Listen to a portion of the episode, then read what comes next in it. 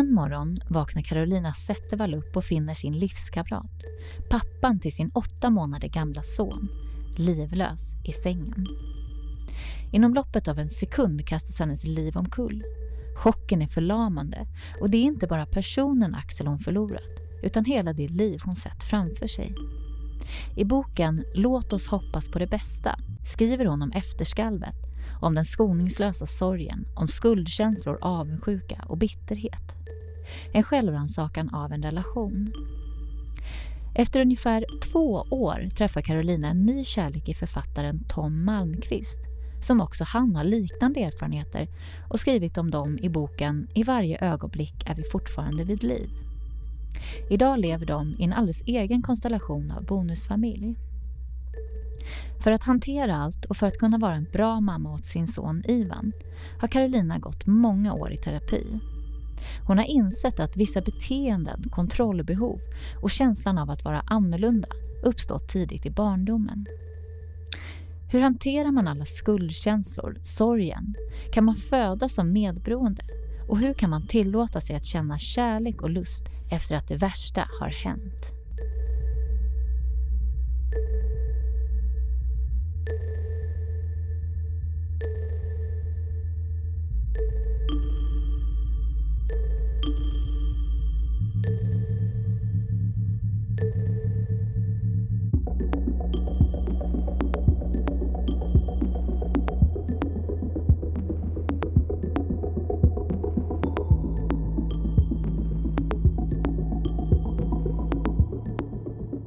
Välkommen till Medberoendepodden Caroline. Tack så mycket. Hur mår du idag?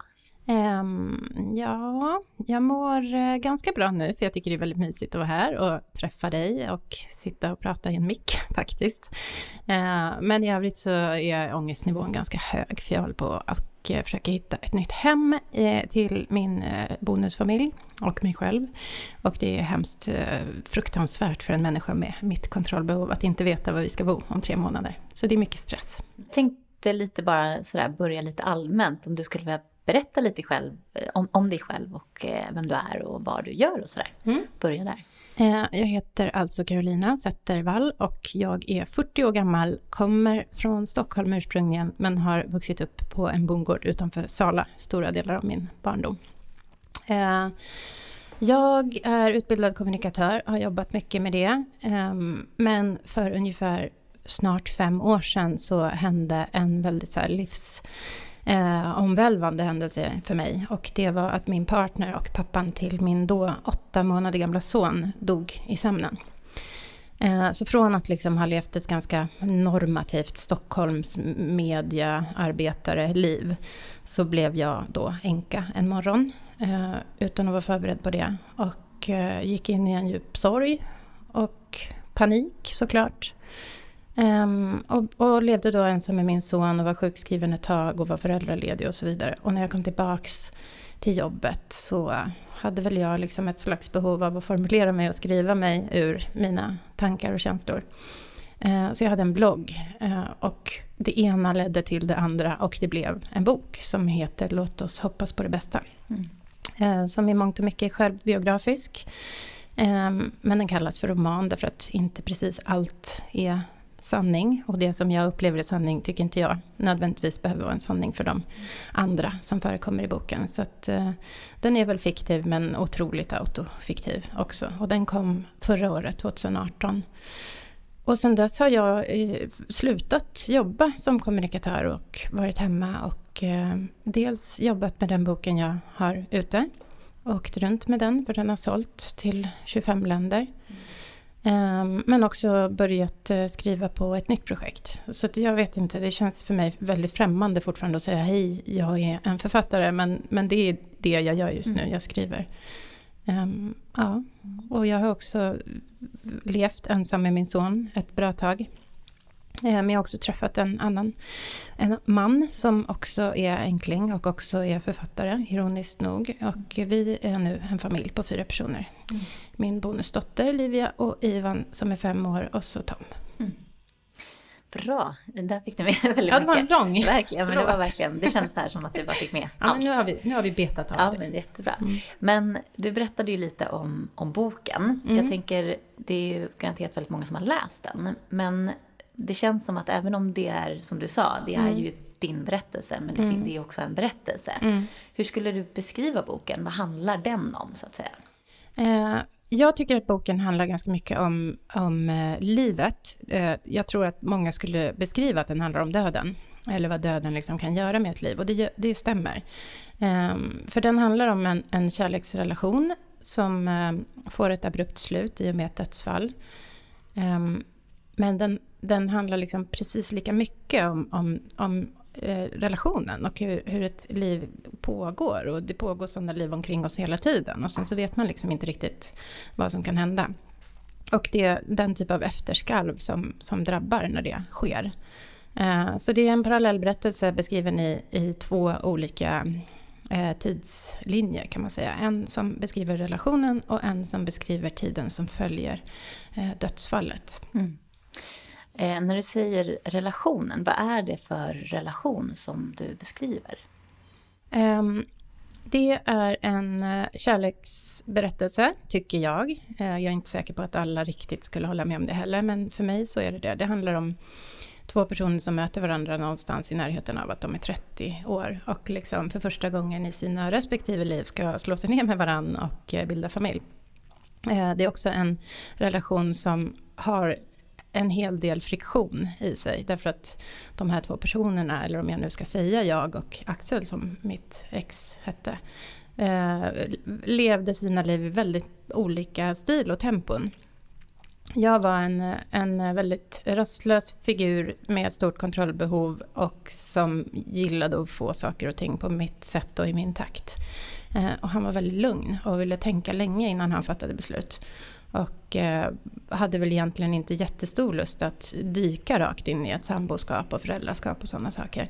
Så det beskriver väl liksom ganska mycket, jag tror att det är väldigt universella teman i kärlek, att man liksom blir lite polariserade. Men också att, eh, att ja, två som försöker få det att funka sinsemellan. Den här boken är ju inte bara, alltså det, som du sa, det är liksom sorg. Eh, det finns ju olika liksom, kanske idéer av vad sorg är och hur den ska ta sig uttryck. Du har ju verkligen fått grotta ner dig i, i sorg. Eh, vad tror du är liksom de främsta missuppfattningarna som folk har kring just sorg? Jag upplever att, eh, att gemene person som kanske inte är akut drabbad av sorg eh, tänker på sorg som en känsla. Att det liksom är den, den rena eh, sorgen där man, där man gråter och saknar och, och känner väldigt enkla på ett sätt känslor. Det vill säga mörker och, och sorgsenhet. Eh, och jag tycker mig ha upplevt att sorg är jättemånga känslor samtidigt. Att de hör ihop liksom. Ilska ligger i sorg. Bitterhet ligger i sorg, för mig i alla fall. Avund. Um, och liksom såklart melankoli. Mm. Så att det här hopkoket av känslor tror jag är, är lite svårt att eh, känna sig förstådd i när det kommer till uttryck. För att man kan få jättemycket tålamod av en omgivning om man bara, bara är ledsen. Eller bara visar att man bara är ledsen. Men sen det här alla de an- andra sakerna. Eh, de andra sakerna som, som dyker upp är liksom fortfarande ganska skamfyllda att visa och prata om. Och jag gjorde det så lite jag bara kunde. Men jag har skrivit väldigt mycket om det. Men jag, utifrån sett så tror jag att jag framstod som en person som ibland var jätte, jätteledsen och ibland funkade bra. Mm. Fast det var ju inte riktigt så. Nej. Men jag tänker, nu har du ju liksom skrivit, alltså det blir på något sätt att du nästan har omvandlat din sorg till någonting konstruktivt. Alltså det blir ju någonting som händer när man formulerar, eh, sätter ord på saker. Ja. Eh, hur har din liksom sorgeprocess sett ut? Kan du se det nu när du ser tillbaka lite grann? Har det funnits liksom olika stadier eller har den varit konstant? Eller? Nej, men jag gillar ju liksom det här uttrycket om att sorgen är randig. Att så här, ena dagen kan, kan, eh, kan det kännas som att så här, gud, nu, nu lättar det. Så här, nu, blir det nu blir det bättre. Och sen eh, kan ju nästa dag eller nästa stund inom en dag vara helt fruktansvärt mörk. Och då har jag en tendens att känna att nu kommer det alltid vara så här. Men, men nu när det liksom har gått fem år och man ska titta på lite större eh, drag i sorgen så tycker jag att det, hela det första året var helt surrealistiskt. Jag, jag har inte tydliga minnen från så många ögonblick då. Jag, jag vet utifrån att jag att jag liksom fungerade på så sätt att jag åt och duschade och tog hand om mitt barn med hjälp av, av min familj och mina vänner givetvis. Men, men ändå liksom. Men, men känslominnena och hur det kändes att vara där, de är, de är liksom väldigt utsuddade. Och sen tyckte jag att efter, efter något år ungefär, eller ja, när det närmade sig ett år, då kom verkligheten ikapp och då blev det ännu skarpare på ett sätt. Därför att då, då liksom landade det i mig att det här är verkligen min nya tillvaro och jag kan inte, jag kan inte göra om det. Mm. Liksom. Jag kan försöka så här, blicka framåt men jag, det, allt jag vill är fortfarande att bara ha tillbaka det jag förlorade. Um, vilket inte bara var en person, utan det var i min framtid och, och mina planer. Mm. Att, att tappa den liksom, kontrollen över livet var svårt för just mig, tror jag. Jättesvårt att acceptera. Men den här, jag tycker det var intressant det här du sa att, de, att det fanns någonting på något sätt att när du var kanske sårbar mm. i, i, din sorg, mm. Eh, att det är lättare för människor att ta emot det. Ja. För jag vet att det är några stycken som har fått, eller som har, som har reagerat ganska negativt, framförallt mot bokets jag då, eller mm. du, eh, hur, hur den karaktären framstår. Mm. Vad tror du att det beror på? Um, nej men jag, jag, jag tycker ju att att eh, hon är ganska ordinär. Um, men... Eh, hur då? Ja, men jag, jag, jag tror att allt det här som, som jag skriver om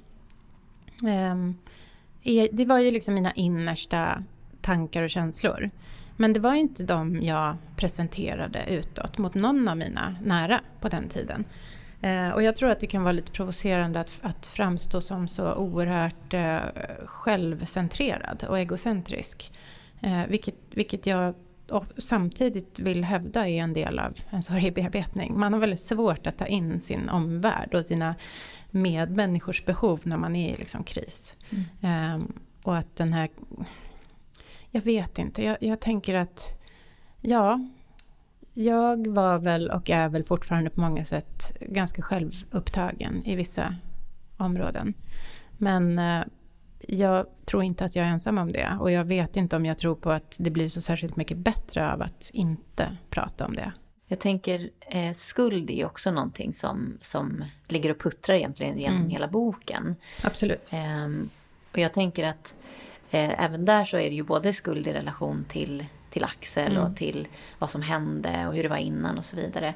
Men såklart också en skuld gentemot din son då i ditt föräldraskap. Ja, verkligen. Eh, hur har skulden tagit sig uttryck? Vad har den liksom gjort med dig och din omgivning? Men ja, jag, skulden är än idag någonting som tyvärr driver mig ganska mycket i hur jag reagerar och hur jag är som förälder framför allt. Att jag, liksom, jag har en, en underliggande känsla hela tiden av att eh, jag måste kompensera för det som min son har tvingats gå igenom. I början var ju skulden lite mer irrationell på så sätt att jag på något sätt kände att det var mitt fel att, att min partner dog överhuvudtaget för att jag var en hemsk person. Mm. Eh, så tänker jag inte idag, men det finns det finns en sida av mig som förälder som fortfarande hela tiden inte står ut med att min son har det, det allra minsta jobbigt. Så att jag liksom har en tendens att hela tiden eh, sopa mattan, eh, ta bort störningsmoment. Jag, jag, liksom, om det är saker jag inte kan påverka så blir jag helt knäckt av det. Att han till exempel, om han har det tufft på förskolan. Det är så här, jag, vet, jag kan inte gå in och ändra hur hur den bilden ser ut. Att till exempel en av hans favoritpedagoger slutar. Jag kan liksom inte tvinga henne tillbaka. Men, men det finns en stark sida av mig som vill det. För att här, han behöver henne, för han har, han har förlorat så mycket. Så nu behöver han alla stabila vuxna omkring sig han kan få. Mm. Um, så jag, skuld finns fortfarande mycket i mig i relation till Ivan. Mm. Eh, och jag försöker att liksom inte alltid agera på det, men innerst inne så ältar jag och eh, ligger vaken på nätterna. Mm. Eh, och det, det, det, springer ur skuld, så att säga. Men har du några verktyg liksom, nu hur du kan jobba med eller hantera skulden på något sätt? Um, ja, jag, alltså jag går ju i terapi och har gjort de senaste tio åren, så det är inte bara på grund av, av det som hände för fem år sedan. Men, men eh, jag tycker också att liksom tiden, tiden är ju magisk. Eh, för att efter ett tag, när man är ny som förälder till exempel, då är de flesta situationer de först, första gången man upplever det någonsin. Eh, den här kärleken till sitt barn som jag tyckte faktiskt inte bara var njutbar i början. Jag tyckte den var jätteobehaglig och läskig. Att behöva älska någon så mycket och att någon skulle behöva mig så mycket. Det var liksom första gången jag tror att jag riktigt befann mig i en villkorslös kärlek som också blev en börda. Så um, men, men man vänjer sig ju. Och man vänjer sig ju till och med vid, nu går jag och oroar mig för min son. Så här, och nu kommer det, jag kommer sova dåligt den här natten. Men det är inte hela världen. Jag har varit med om förut att jag har oro, oroat mig en hel natt och så blir det bra eller bättre. Uh, så jag, det är väl liksom det verktyg jag har. Att så här, det är inte så farligt att må dåligt. Mm man kan göra det. Liksom. Det låter som du har funnit någon slags acceptans i det. Mm, det tror jag. Um, som du nämnde också så det är ju ganska speciellt, alltså hela hur allting blev. Så här mm. efterhand så är det ju också helt en otrolig berättelse. Mm. För mitt i, eller inte mitt i, men någonstans i din sorgeprocess så träffade du en ny kärlek. Ja. Eh, vill du berätta om det, liksom, hur det, mm. hur det blev, så att säga? Um, jo, men eh, det hade gått eh, två år ungefär och jag eh, var tillbaka i en ganska fungerande liksom, tillvaro. Jag hade en ny, ett nytt hem tillsammans med min son och jag gick till jobbet och jag gick hem och var med min son. Och jag började känna en viss både förväntan på mig men också en inre liksom, rastlöshet. Att jag, jag vill inte sitta som ensam vuxen i en familj där jag inte har någon att prata med på kvällarna, ingen att, att diskutera liksom mitt barns utveckling eller uppfostran med och sådär. Um, så det grodde en slags eh, rastlöshet och nyfikenhet snarare än hopp. Liksom. Um, och när jag träffade Tom så var det nog säkert undermedvetet så att jag var lite intresserad av den här personen som hade gått igenom en så liknande historia som jag.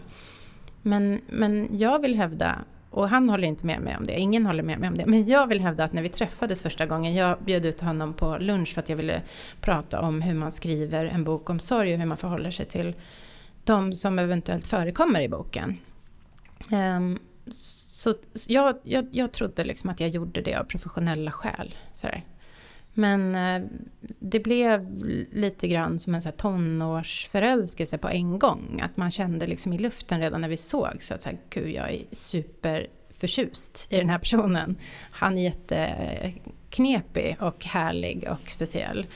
Um, så det, det gick jättefort och jag tror att det var också en effekt av ganska mycket uppdämd inre längtan hos båda. Att man liksom har levt i det här ensamma mörkret ett tag och så plötsligt så bara, men gud, det fanns en pusselbit till som kanske kunde liksom passa. Um, så så började den uh, relationen för tre år sedan ungefär. Mm. Mm. Men var det helt självklart på något sätt att ni nej, skulle nej, bli ni? Nej, på, på, inget sätt. Alltså, jag hade nog föredragit att liksom ha en relation med honom i hemlighet och framstå eh, inför omvärlden som att jag absolut inte... Jag, jag, kände mig som en svikare som, som blev kär gentemot eh, Axel mm. eh, och gentemot hans familj.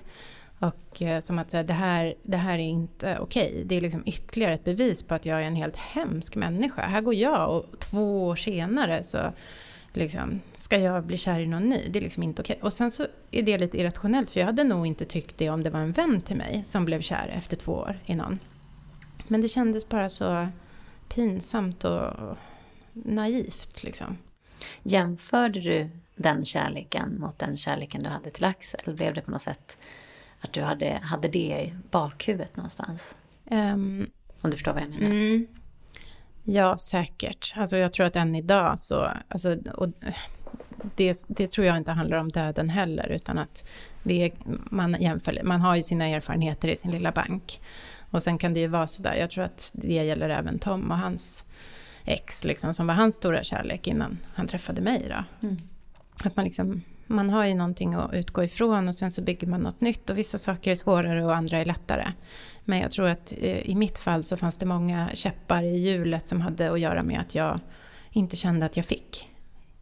För mig själv och för Axels eh, liksom, minne. Mm. Så fick inte jag bli glad. Också skuld. Liksom. Ja. Mm. Men jag tänker, det är ju en väldigt speciell konstellation, liksom, att, ja. eh, att ni har sådana liknande erfarenheter och, mm. och, möter varandra i någon slags process också. Mm. Vad kan du se för för och nackdelar liksom, med att ni har de erfarenheterna? Eh, fördelarna är, tycker jag, att eh, vi eh, har en förståelse för hur komplext det kan vara. Att eh, båda våra barn har en, en, biologisk förälder som är död och som förtjänar en plats i vår familj. Liksom. Eh, så det blir inte samma typ av eh, kanske svartsjuka eller osäkerhet på det sättet. Och vi, vi går med en sorg och en saknad som tar sig lite olika uttryck. Eh, jag tror att vi båda är ganska katastroftänkbenägna till exempel. Inte så bra på att chilla över små problem. Mm. Men negativt är väl att att vi båda är lite skar, skarvade och, och kantstötta liksom, som personer och att det, ja, men att det just kan ta sig lite uttryck i att man inte är lika avslappnad kring motgångar eller sådär. Mm. Men pratar ni mycket om liksom era respektive historier där? Ja, det gör vi. Inte varje dag. Um, och i början gjorde vi det nog mindre, för jag tror att då var vi så himla ny förälskade i varandra och också så hungriga på att bygga nytt. Och då tror jag att man var lite mer försiktig med liksom, vad man hade förlorat och, och så. Men nu är ju det en väldigt naturlig del i våra liv eftersom också våra barn finns. Mm. Eh, och det kommer födelsedagar och det kommer årsdagar och det kommer frågor från barnen och de känner inte att det är svårt att prata om det. Eh, så att, eh, jag, jag, tycker att vi är rätt så öppna i det. Och sen när det, när det, liksom, när det är som om, om vi till exempel är osams, eh, då tror jag att båda vi kan vara så här, nu är du inte lik mitt lugna ex. Jag tror båda vi hade lite lugnare mm. Eh, ex än vad vi båda är som personligheter. Um, men, det, men, jag tror att jag känner mig inte så hotad av det heller, för det är helt, jag tycker att det känns naturligt faktiskt. Men jag tycker de båda är, är, ganska närvarande i våra liv idag. Men jag känner fortfarande i lite, lite skuld över att jag har en ny familj. Mm. Är det att den, liksom, den känslan kommer och går eller ligger och ja. puttrar? Ja, men lite så. Mm. Um, nej, men jag känner också skuld över att uh, min uh, berättelse har liksom sålt mm. i världen. Att säga, gud vad vidrigt av mig. Uh, och jag, det är liksom inte någon som har sagt till mig att den känner så. Men jag, liksom, jag föregår andras tankar med att tänka väldigt negativt om mig själv. Och att det, det kanske möjligtvis är ett bevis för att jag är en ganska hemsk person. Du nämnde lite i förbifarten där i början att du har gått en del i terapi, eller tio år sa du till och med. Mm. Vad är det för typ av terapi du har? Jag har nästan bara gått i psykodynamisk samtalsterapi. Jag har gått lite grann i KBT för att försöka behandla ett specifikt problem. Jag, jag har, är väldigt eh, fobiskt rädd för kräks. Men det har inte fungerat för mig och jag, jag ligger väl närmare till att tycka att saker kan få ta lite längre tid än tio gånger och exponering. Med det sagt så tror jag att olika former passar för olika besvär. Men eh, jag tror att jag hamnade i terapi då, ja, när jag skulle fylla 30 någon gång. För att jag länge har gått med en eh, känsla av att inte riktigt ha förmågan att eh, vara tillfreds liksom, med det jag har. Jag har haft väldigt mycket och det har gått, liksom, jag har varit, det har gått bra för mig. Eh, men jag har ändå känt mig misslyckad nästan alltid. Eh, inom jobb, inom kärleksrelationer, i vänskaper och så. Eh, och det, det blev väldigt utmattande under en period när jag delvis var singel och gick ut väldigt mycket. Liksom, på helgerna och på nätterna och festade väldigt mycket. Och jag var sådär, kände alltid en sån besvikelse på söndagar över att det hände inte den här helgen heller. Egentligen ville jag bara få slå mig ner med någon. Mm. Um, och då första gången jag gick till en, en, en, psykolog så handlade det om att jag sa liksom så här, jag måste ha hjälp med att lära mig att vara ensam. För att det, liksom, mitt liv är bra men jag kan inte uppleva det. Jag känner bara stress. Um, Vad var det du kände stress för? Nej, men att jag liksom skulle bli kvar på perrongen när alla andra åkte iväg. Um, och att jag inte tyckte att det var så kul att gå ut hela tiden. Jag liksom...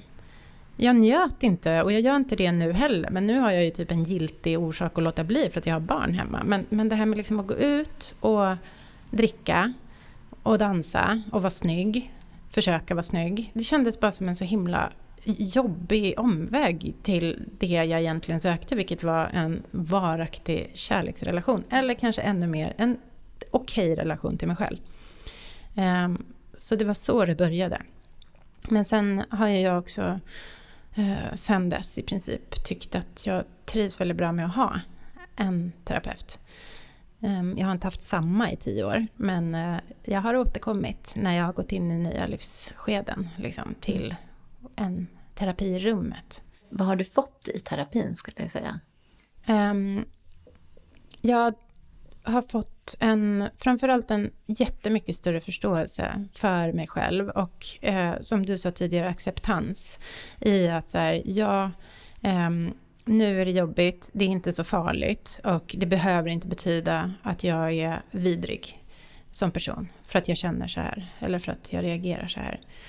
Um, jag, eh, jag, jag, tror att vi är på liksom acceptansstadiet mest.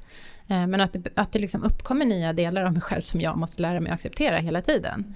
Eh, jag har ganska höga krav på mig själv, både som väninna och dotter och syster och vän och partner och förälder och anställd. Och det är ganska jobbigt att gå och dras med det hela tiden. Mm. Den, den liksom du som ändå har, det känns som du har lite koll på de här olika mm. typerna av terapi. Eh, psykodynamisk sa du mm. att va? Mm. Vad, hur fungerar den typen av terapi för de som inte vet? Eh, men det är en ganska så här långsam terapiform. Som i, i, större eller mindre utsträckning handlar om att liksom ta reda på eh, var ett visst eh, besvär uppkom. Och det är ju väldigt ofta tidigt i barndomen. Liksom terapeuter som jag går till, de gillar ju liksom att fråga så här, kommer du ihåg när du kände den här känslan första gången? Och då hamnar man eh, i, i barndomen. Um, och man blir också liksom bättre på att se mönster. Det kan vara olika situationer som jag från början inte tycker påminner om varandra och så till slut så bara, just det, det är precis samma grej som sätts i spel nu när det här händer mig. Eh, så jag tycker att det är lite av en så utbildning i, i sig själv. Men den tar ju tid. För att ofta eh, händer det att jag går till en terapeut, eller min terapeut, och går därifrån och bara gud, idag pratade vi bara om sånt jag hade kunnat sitta med, med Tom hemma över en kopp kaffe och prata om. Liksom. Att man blir lite sådär, om man är eh, resultatorienterad och rastlös så är det ofta en period i början av psykodynamisk terapi när man är lite såhär, vad håller vi på med? Varför kostar det här mig tusen kronor varje gång? Det är helt sjukt dyrt för att sitta och fika, typ, mm. fast man inte fikar. Eh, men eh, sen händer det grejer, tycker jag, som är som är liksom värda de där pengarna och tiden. Men du nämnde din uppväxt. Vill du berätta mm. lite om hur den såg ut? Ja, eh, absolut. Och sen har jag en fråga till dig, men mm. den ska jag spara. Mm, eh, eller jag säger det nu, sen berättar jag om min uppväxt. Mm. Eh, min fråga är som jag tänkte på på tunnelbanan hit, att jag skulle vilja fråga, för jag tänker att du ändå är inte kanske expert, men mer eller mindre på ämnet eh, medberoendeskap. Kan man födas som medberoende? Mm, jättebra fråga. Mm. Som du sa, jag är inte liksom eh, utbildad i det, men jag har absolut eh, mina, vad jag tror så att säga. Mm. Men vill, ska vi spara det? Ja, men jag, kan, eh, jag kan eh, berätta lite grann om min uppväxt ja. eftersom det relaterar till min fråga. Um, jag växte upp i en kärnfamilj med en lillebror och en mamma och en pappa eh, i en villa utanför Stockholm. Um, jag tror att jag hade en ganska trygg uppväxt fram tills någonstans i slutet på lågstadiet när mina föräldrar eh, berättade en dag, utan att jag hade någon som helst misstanke om detta, eh, att de skulle skiljas och att min mamma var den som skulle flytta ut hemifrån för att pappa var den som hade råd att ha kvar villan där vi bodde. Eh, han jobbade också lite mindre och närmare vårt hem än vad min mamma gjorde. Så hon flyttade från eh, vår villa när jag gick i trean och då var jag så först i klassen med att vara skilsmässobarn. Det var verkligen en så medelklassuppväxt där jag skämdes inför mina klasskompisar och berättade att mina föräldrar skulle skiljas. Eh, och då gick jag in i liksom den första krisen som jag minns i mitt liv. Eh, vilket var liksom att mamma flyttade, mamma hamnade i en liten lägenhet några kvarter ifrån där vi bodde till en början. Och jag tror att hon gick in i någon typ av depression över det. Eh, vi träffade bara mamma på helgerna. Eh, och på den tiden som vi eh, gjorde det så, så var hon ganska olycklig, tror jag. Och satt ganska mycket i telefon med sina tjejkompisar och drack vin. Och jag mådde jättedåligt av det. Mm, eh, men jag har också alltid varit ett ganska oroligt barn som har velat ha kontroll på hela min familj. Var är flocken? Är flocken samlad? Mår alla bra? Är det någon som verkar deppig? Liksom. Ehm, så för mig känns det som att alla de här egenskaperna som liksom ingår, de hade jag liksom latent i mig hela tiden, även när jag minns det som att min uppväxt var ganska stabil. Mm. Men sen efter den här skilsmässan så liksom hände väldigt många saker snabbt in på varandra som ruckade på hela min grundtrygghet tror jag. Och det var att eh, min pappa träffade en ny kvinna som var min brevkompis mamma. Eh, en tjej jag hade träffat på ett ridläger som bodde i Sundbyberg som jag skrev brev till och sen när vi skulle börja träffas och få skjuts till varandra så blev våra föräldrar kära. Eh, och utifrån att det skedde så gick det väldigt fort, eh, upplevde jag. Det tog väl ett år eller så innan de gifte sig och bestämde sig för att köpa en gård utanför Sala och vi lämnade Stockholm där jag hade vuxit upp. Så det var ganska mycket så här förändringar under en, en tid som är känslig för ett barn, nioårsåldern liksom. 10, 11, 12. som har med liksom mycket så bonusfamilj, eh, att bli av med en, en förälder lite grann ehm, och den föräldern kanske inte mår så himla bra. Um, och att liksom tappa fotfästet och, och, kontrollen och att känna skam inför att hela tiden vara den här oroliga ungen som hela tiden liksom mår dåligt över förändringar och inte kan luta sig tillbaka och vara lite chill bara det känner jag fortfarande skam för när jag blir orolig. Liksom att jag känner i mig att det här är inte bra. Det är inte en bra egenskap. Fast jag vet rationellt att det är helt naturligt. Liksom. Um, så, så, och jag upplever liksom inte att jag... Eh, jag har tilltalats mycket av till exempel din podd och saker jag har läst om att vara medberoende. Men det har inte riktigt känts som att jag har varit så berättigad att kalla mig det. För att jag har inte en, den historien som, som andra har, som är lite, mycket mer klockren. Liksom. Jag växte upp med den här föräldern, eller i det här föräldrahemmet. Det här eh, psykisk sjukdom var påtaglig, eller missbruk. Utan det är lite mer vagt för mig. Och därför har inte jag känt att jag liksom vill deklarera mig att vara någonting som, som jag inte får säga. Liksom. Mm. Så därav min fråga. Kan, mm. man, kan man ha liksom den här uppsättningen egenskaper från start? Ja, jättebra fråga. Men det, det där du sa där också, det här med känslan av att så här, jag har inte rätt att kalla mig medberoende. Det är mm. ganska många som har det. Mm. Alltså det är på något sätt också en del av medberoende, ska säga, att man vill gärna exkludera sig mm. eh, också. Mm. Men eh, det, finns, det låter som att du pratar kanske lite mer om en, den genetiska och biologiska faktorn ja. i det. Och det är ju eh, inom när man pratar beroende så finns det ju en ärftlig aspekt i det och det går ju ofta i generationer och det är också vanligt att det kanske är en generation där det kanske finns då till exempel alkoholism och sen mm. blir nästa generation vuxna barn som kanske blir mer kontrollerande ja. och inte eh, dricker och så, så vandrar det liksom. Um, så det är den faktorn. Och sen så är det ju precis som du pratar om anknytning och så vidare. Och där är det ju lätt att när man det finns ju olika typer av anknytning mm. och det är lätt att fokusera på att man med, medberoende blir man om man har den här extrema liksom, mm. eh, förhållandet. Till, som du sa till exempel om det är en eh, missbruk, eh, missbruk i familjen mm. de första åren och så vidare. Men det är ju också så, precis som du sa, att vi föds ju jag tänker även de som kanske får tvillingar. Mm. Alltså man föds ju in i samma familj men ändå så ser man kanske tidigt kanske att det skiljer, personligheterna skiljer sig. Mm. Eh, så självklart så föds man ju med en viss personlighet och sen formas man därefter. Ja. Och eh, min erfarenhet är att det också kan handla om att där det behov och den jag är mm. inte funkar i den här familjekonstellationen. Och då börjar jag anpassa mig. Mm. Så det behöver inte nödvändigtvis vara så att det är fel citationstecken mm. på ens föräldrar eller att det är något uppenbart så eh, dysfunktionellt. Mm. Utan det kan också vara så att den den jag är, de behov jag har, eh, det klickar inte Just det. i just den här familjekonstellationen. Mm. Men sen är det faktiskt så, ganska ny, det är en forskningsstudie som eh, har ploppat upp som in, den har publicerats i en, en tidning men den är knappt liksom uppmärksammad än. Mm. Som, där man har forskat på medberoende, och då väljer man att kalla det medberoende, och titta på hjärnan. Och där har man alltså sett att de som känner igen sig i att vara medberoende Ja. har att deras, liksom, den delen av hjärnan som till exempel har att göra med empati Mm. eh, ser annorlunda ut. Den reagerar annorlunda. Eh, och det är ju en jätteintressant aspekt. Så att där skulle man också kunna se att det Mm.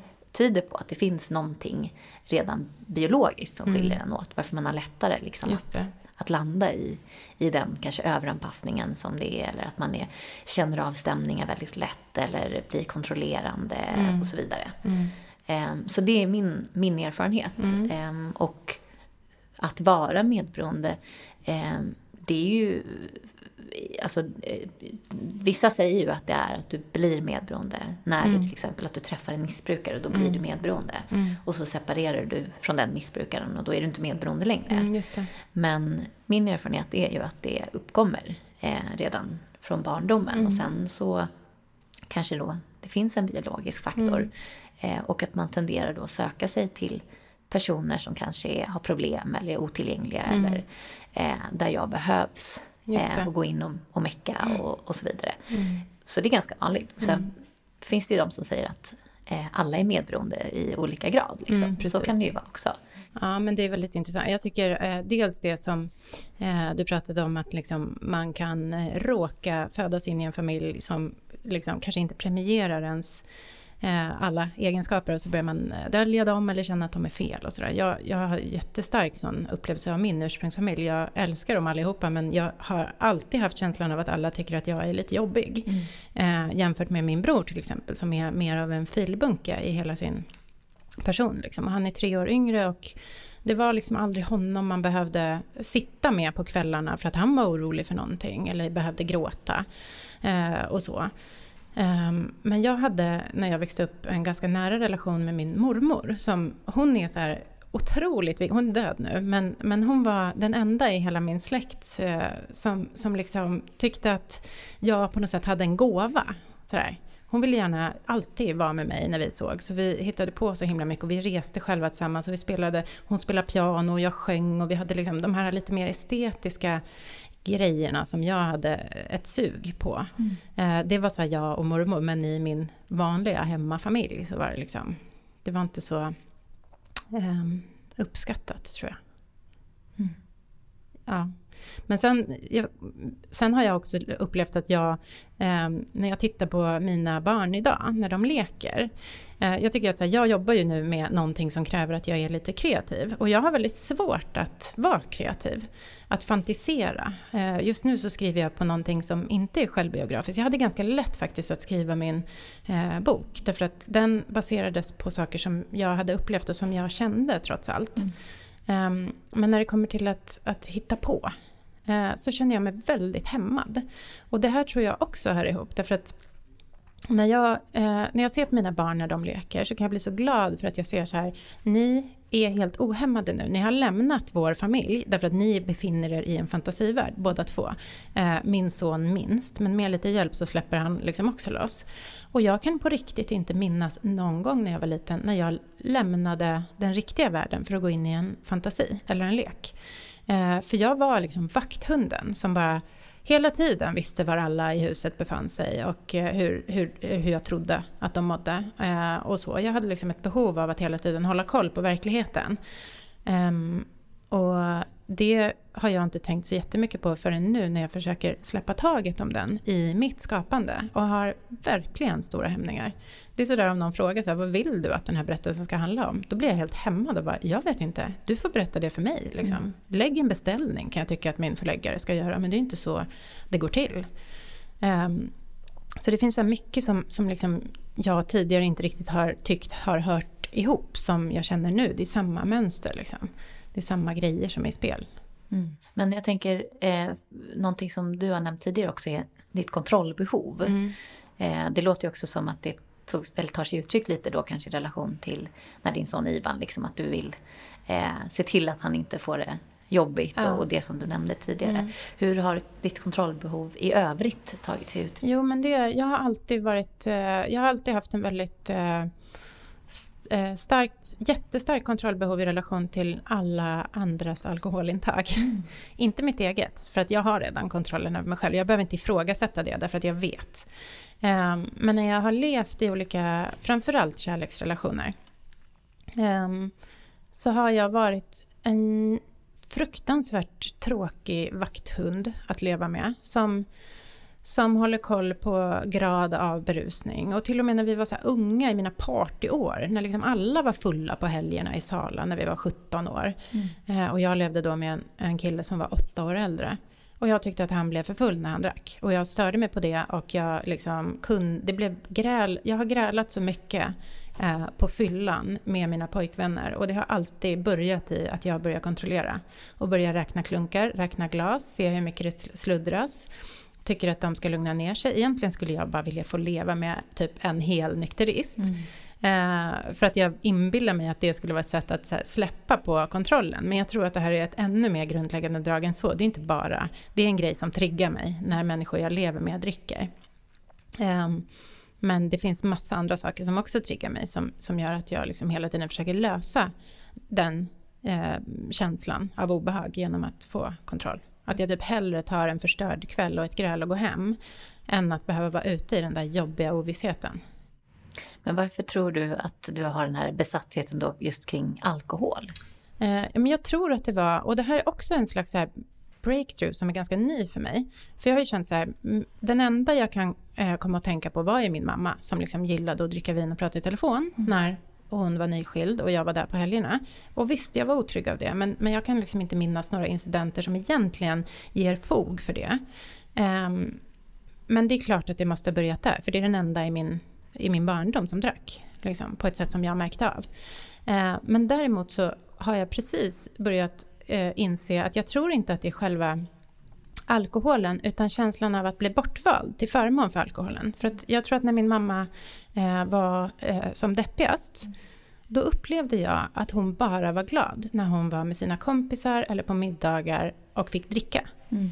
Eh, så det är liksom en inre eh, rädsla att bli övergiven till förmån för den stora eh, konkurrenten, vinet. Mm. Um, och det här är liksom fyra veckor gammalt sen jag har kommit på det. Så mm. det är mm. liksom, jag är ny i tanken. Men jag tror att det förklarar mycket. Att jag liksom håller på med, med grejer eh, som har med kontroll och, och liksom alkohol att göra. Som inte riktigt känns som att det var så farligt när jag var liten. Men det måste vara liksom den lilla Carolina som hela tiden kände att här, jag har ingen given plats här när konkurrenten vinet är med på kartan. Mm. Så. Mm. Jag tänker att eh, nu pratar vi mycket om barndom och så. Mm. Och Ivan har ju, din son Ivan har ju mm. liksom verkligen en speciell start i livet. Mm. Eh, och du pratar om skuld och så. Hur, mm. hur, ser du på hans framtid och hur det här kommer påverka honom liksom framöver? Um, Ja, alltså jag ser ju att han, um, han är redan påverkad och han har uh, redan drag som många i hans ålder inte har. Uh, vilket är en jättestark separationsångest från mig. Uh, en väldigt stark oro att det ska hända saker som, som han inte känner till. väldigt mycket mardrömmar och... Nej men han... jag tycker han dras med med grejer som inte jag skulle vilja att en femåring ska behöva gå och tänka på. Um, men jag känner också att allt jag kan göra för honom där vi står, det är att bara försöka skänka så mycket stabilitet och, och liksom trygga ramar det går. Mm. Um, så jag jobbar ju häcken av mig för det. Uh, ofta på bekostnad av att få göra saker som jag vill göra. Liksom. Ivan har väldigt svårt att slappna av när jag är borta, så då går jag inte borta. Det är precis nu till exempel som jag har börjat rida igen. För att jag har inte klarat av att vara borta hemifrån på kvällstid, för han blir så orolig. Mm. Um, så det, det, går ju liksom i små steg för mig. Men jag tror också att Ivan har behövt det ett tag. Att bara så här, vi har också bildat en ny familj. Det är mycket för ett barn att, att hänga med i. Um, så jag har varit ganska mycket liksom ja, jag har sett till att dagarna har varit så stabila de kan vara ändå. Och sen kan inte jag skydda honom från allt. Liksom. Men jag, jag skulle inte bli förvånad om det, om det kommer fortsätta vara eh, svårt för honom på, på eh, i områden där det inte är lika svårt för hans jämnåriga vänner. Till mm. exempel att byta från förskola till skola som händer nästa år. Det är liksom, jag vet att det kommer bli tungt och jag vet också ungefär vad jag kan göra mm. och vad jag inte kan göra för att hjälpa till. Känner du att du har, jag tänker det här, det du har gått igenom, eller både du och mm. Tom har gått igenom, mm. eh, sitt, det sätter sig ju någonstans ja. i kroppen. Liksom. Ja.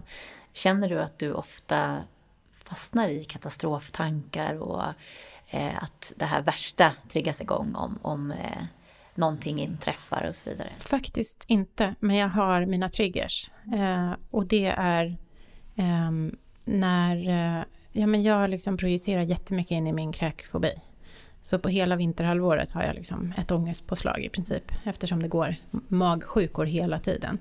Mm. Eh, och det vet jag att det inte är rationellt och att det inte är farligt att vara magsjuk eh, eller att bli smittad av någon annan som är magsjuk. Men jag lägger fruktansvärt mycket energi på att försöka stävja den ångesten. Mm. Eh, och sen så är det ju om jag eller något av barnen liksom har något fysiskt lite diffust problem.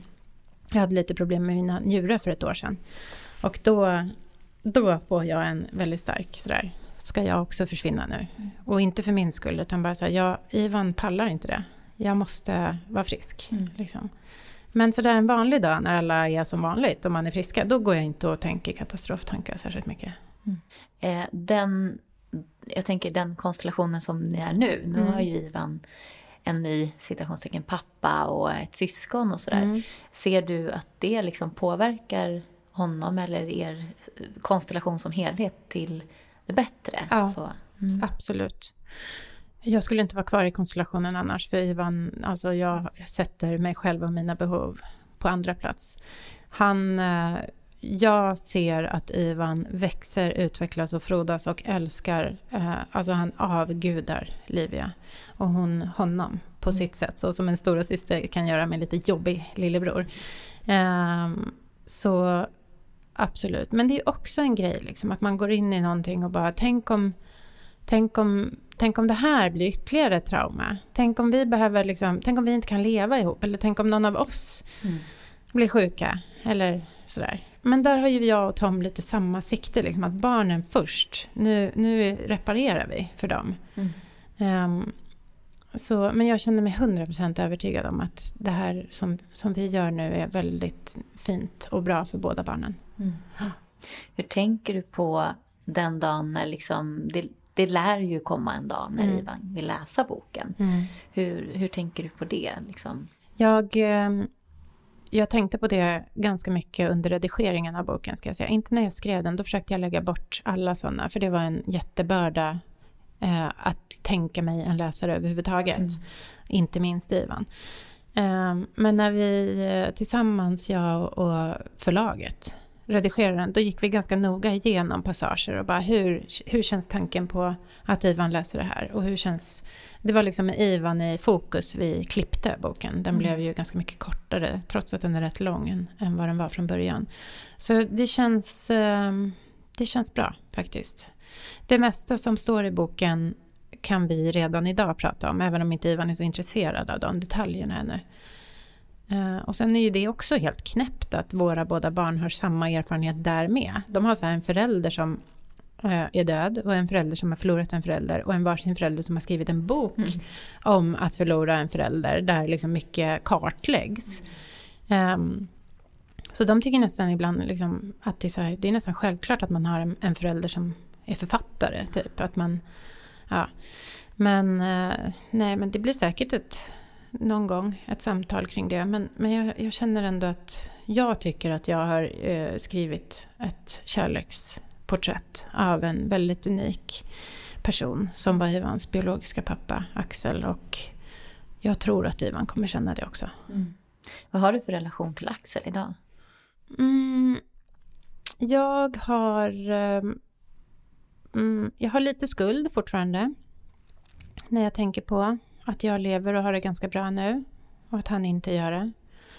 Uh, sen har jag liksom med honom i så här, det, finns, alltså det är så konstigt, men precis när jag är inte särskilt vidskeplig egentligen, men, men när, när Axel precis hade dött så var det en period när det nästan var obehagligt så här, att jag varje gång jag tittade på klockan på min telefon på kvällarna så var klockan så här 22.22, 22, alltid. Jag missade inte det klockslaget, fast jag inte hela tiden tittar på klockan. Men än idag, vilket är så här, det är så här, för mig är det, liksom, det är Axel så här, han checkar in och kollar läget med sin familj. Mm. Eh, och senast igår när jag bara tittade på klockan så var hon 22.22. 22. Han är alltid, när klockan är det, mm. så är det så här, det är Axels stund mm. på dagen. Liksom. Och då är det ofta så också att barnen ligger och sover, det är ganska stilla i hemmet, eh, det känns harmoniskt. Och då är det så här, ja, allt är bra, hej Axel. Så eh, men sen är det såklart olika perioder och, och så som, som han är mer påtaglig för oss. Mm. Um, och det är väl lite så här årsdagar, födelsedagar, grejer som vi har gjort tillsammans, platser vi har varit på tillsammans och så. Mm. Jag tänker, hur är din relation till din sorg idag? Hur ser den ut idag? Mm. Den är... Jag känner inte längre att jag går med en, en tung sorg eh, på axlarna. Men jag känner att sorgen som jag har upplevt, den är liksom en del av mig och en del av min personlighet idag. Eh, på lite gott och mycket ont. Liksom. Eh, att den är, den är bara jag. Eh, och det är, bara, det är bara så det är. Det, är liksom inte, det går inte att förhandla bort. Jag, jag är en person med, med den här sorgen i min hela komplexa personlighet. Den liksom integrerad på något sätt ja. i, i dig. Mm. Ja, det mm. tycker jag. Eh, du kanske inte vill berätta så mycket om vad du skriver på nu, men jag vet att du är ju ganska självanalyserande mm. så, som, som person. Mm. Har du något ämne som du nu liksom utforskar? Ja, men jag är ju liksom ganska intresserad av så här kvinnoberättelser och kvinnans eh, roll i olika sammanhang.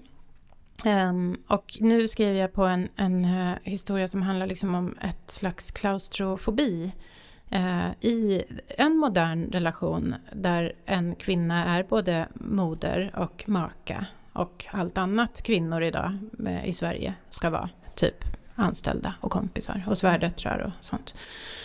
Eh, och det handlar liksom om ett krympande successivt krympande handlingsutrymme och successivt krympande frihet trots att det inte borde vara på det sättet därför att vi är jämställda idag. Men på något sätt så hamnar ju en efter en av oss hela tiden i typ samma situation. Eh, så jag skriver om en kvinna som, som går igenom det och eh, har hittat sig en ganska udda lösning på sina dilemman. Liksom lite grann om en oförmåga att ta för sig också och att veta egentligen vad man skulle ta för sig av om man hade möjlighet därför att man liksom inte riktigt är skolad i att sätta sig själv främst. Mm. Ja, vi får se. Det är tro och tvivel och kris och panik om vartannat. Mm. Just det här med att hitta på tycker jag är väldigt svårt. Jag tänker, du pratar ju om, om det också, hur mycket tid och hur mycket energi du lägger på, eller ni lägger på barnen. Mm. När skriver du då?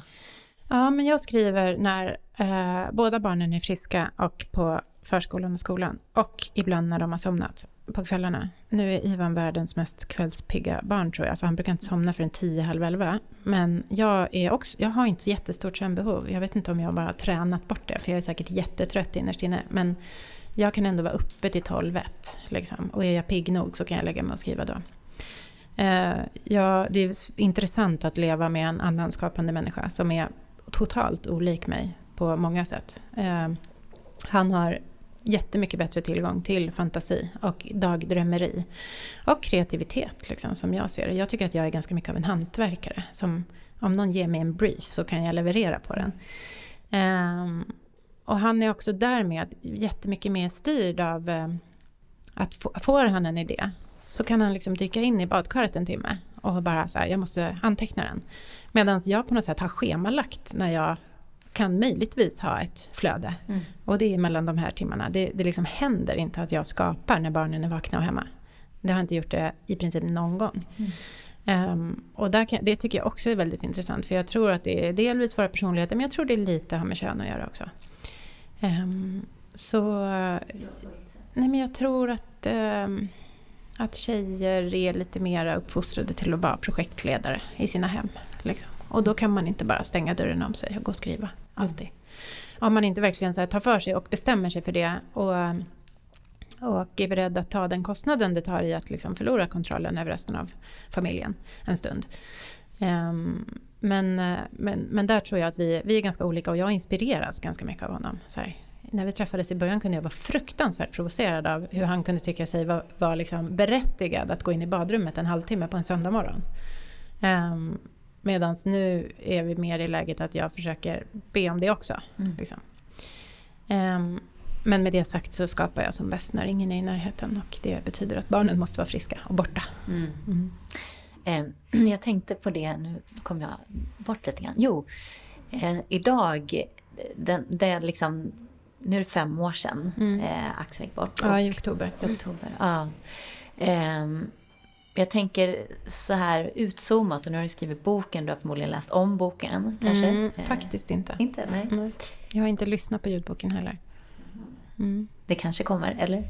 Kanske, kanske inte, men jag är jätte... Jag är trött på boken. Mm, ja. Jag är liksom inte trött på berättelsen, men jag är trött på... Det blir liksom också när man, när man skriver ner en grej som är, allting är ju väldigt mångfacetterat såklart. Och så blir det lite som att man gör ett fotoalbum och bara det här är din barndom, titta på mm. de här bilderna. Det hände ju så mycket mer eh, i mig och i vår relation och så. Att jag liksom känner att här, jag kan storyn som jag skrev ner den. Men jag vill så här, vårda storyn så som jag också minns den. Mm.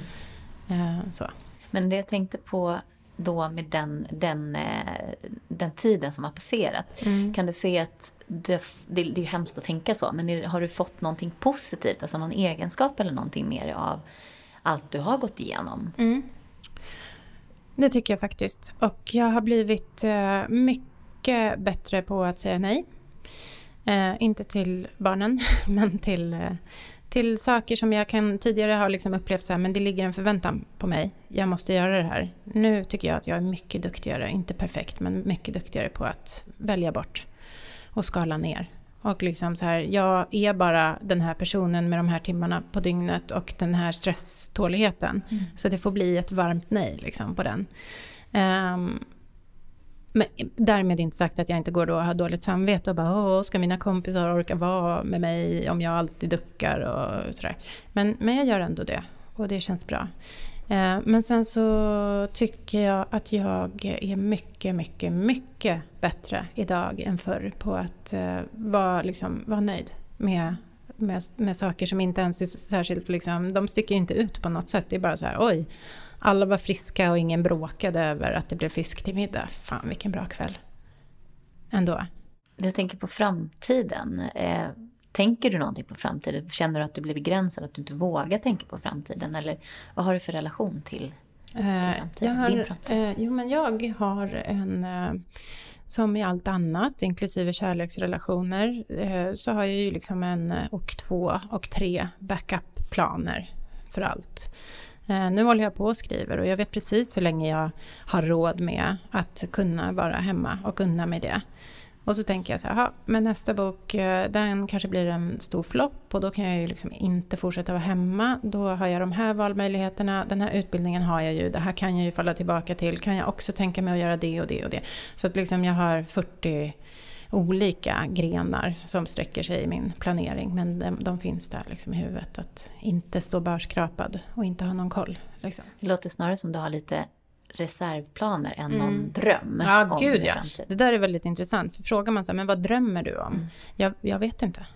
Och jag har nog aldrig riktigt vetat. Mm. Jag har varit väldigt bra på att så famla och bara, jag provar yoga. Nu är det det här, liksom, att mm. starta projekt. Och sen bara, nej, det var inte det heller. Och det tycker jag är väldigt sorgligt faktiskt. Så att, eh, jag, vet inte, jag, jag, vet inte riktigt vad jag drömde om när jag var liten heller. Det var liksom mest så här, ta sig igenom eh, den här tiden, liksom, gymnasiet. Så här, ja men det är lika bra att få bra betyg så att jag har möjligheter att välja sen. Men det här med liksom att göra mina val för mig själv som människa, det har jag fortfarande mycket att, att utforska inom. Och ibland tänker jag att så här, ja, men sen när barnen är stora och flyttar hemifrån, då då ska jag ta reda på vem jag är och vad jag behöver. Och det är lite det temat jag skriver om också, för den här kvinnan som, som liksom lever där på ett sätt som ser ganska bra ut utifrån sett. Det är helt okej okay, liksom. Men det är ju det hon så saknar. en egen dröm. Mm. Jag tänker att det eh, kanske är lättare för dig då att ha någon dröm kring Ivan, Ivans mm. liv. Eller har du några sådana tankar? Eller är det också Nej, men jag vill risk? bara att han ska få liksom vara och bli eh, det han behöver på något sätt. Och vad det blir och, och, inom, alltså jag vill, jag vill bara försöka nu att sopa liksom en bred gång ren framför honom. Att, att det liksom är okej. Och jag vill att han ska känna att hans oro som han har och hans kontrollbehov är mycket mer accepterat än vad jag upplevde när jag var liten. Att så här, du får vara sån. Du får, du får liksom, det är okej. Mm. Eh, det är fina egenskaper. Det är bra att vi har dig som håller koll på flocken. Liksom. Um, och sen är jag nog inte helt perfekt i det alltid. Men, men jag skulle bara vilja få honom att ha en större känsla än vad jag hade av att, att det liksom är helt okej. Mm. Vad det än blir på något sätt. Mm. Jag tänker som några sista liksom, avslutande ord. Mm. Eh, med den erfarenheten du har och den kunskapen du ändå har fått genom att gå igenom det här. Mm. Eh, för någon annan som det finns ju fler som, som, även om det här är ju någonting som man verkligen inte önskar ska in, äh, hända någon, mm. men eh, folk förlorar folk mm. och det händer eh, saker som man inte vill. Mm. Vad har du för liksom, visdomsord att dela med dig av så här med facit i hand? Jo, men jag tycker nog att ehm, att eh, söka sig till eh, likasinnade i en slags organiserad form, vare sig det är liksom ett, ett eh, nätverk för andra sörjande eller eh, någon typ av behandlingsprogram, jag vet inte, eller, eller terapier eller så. Ehm, det, det ger en känsla av sammanhang som tröstar väldigt mycket. Trots att, för jag, jag har varit med i en grupp med andra sörjande som har förlorat en partner som har barn som bor hemma fortfarande. Och i början hade jag ett väldigt starkt motstånd mot att liksom delta i den gruppen. För jag kände att så här, de som var mycket längre fram än jag, eh, de vill inte jag belanda mig med. För jag vill inte bli ärrad att det här skulle bli min grej liksom, i livet. Eh, och de som var på mitt ställe, or jag orkade knappt lyssna på deras historier och känslor. Men ändå så liksom återkom jag hela tiden till det sammanhanget. Och eh, så här i efterhand, jag är fortfarande där. Liksom. Ehm, och jag tycker att det har gett så himla mycket av, för att det finns väldigt många tillfällen när man känner att här, det är ingen som är så här som jag, som har det så här. Mm. Jag känner i alla fall ingen. Liksom. Uh, och jag tror att den här känslan av här, isolering och att vara apart, den är liksom lika nästan tung som själva sorgen.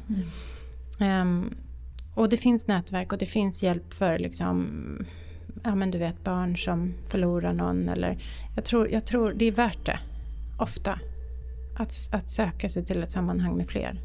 Tusen tack Carolina för att du var med. Tack för att jag fick komma. Tack snälla. Tack.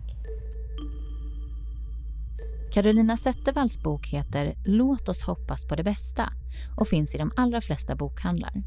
Den har fått jättefina recensioner och har sålts till över 25 länder. Vill du veta mer om medberoende och var du kan vända dig för att få hjälp? Då kan du gå in på vår hemsida www.medberoendepodden.se. Det är nu dags att boka min föreläsning om medberoende inför våren. Under fliken föreläsning kan du läsa mer och skicka en förfrågan. Och glöm inte att följa oss i sociala medier. Där heter vi Medberoendepodden. Och nu finns det också en Facebookgrupp, en interaktiv grupp där du kan möta andra med liknande erfarenheter. Och den gruppen heter Medberoendepoddens vänner.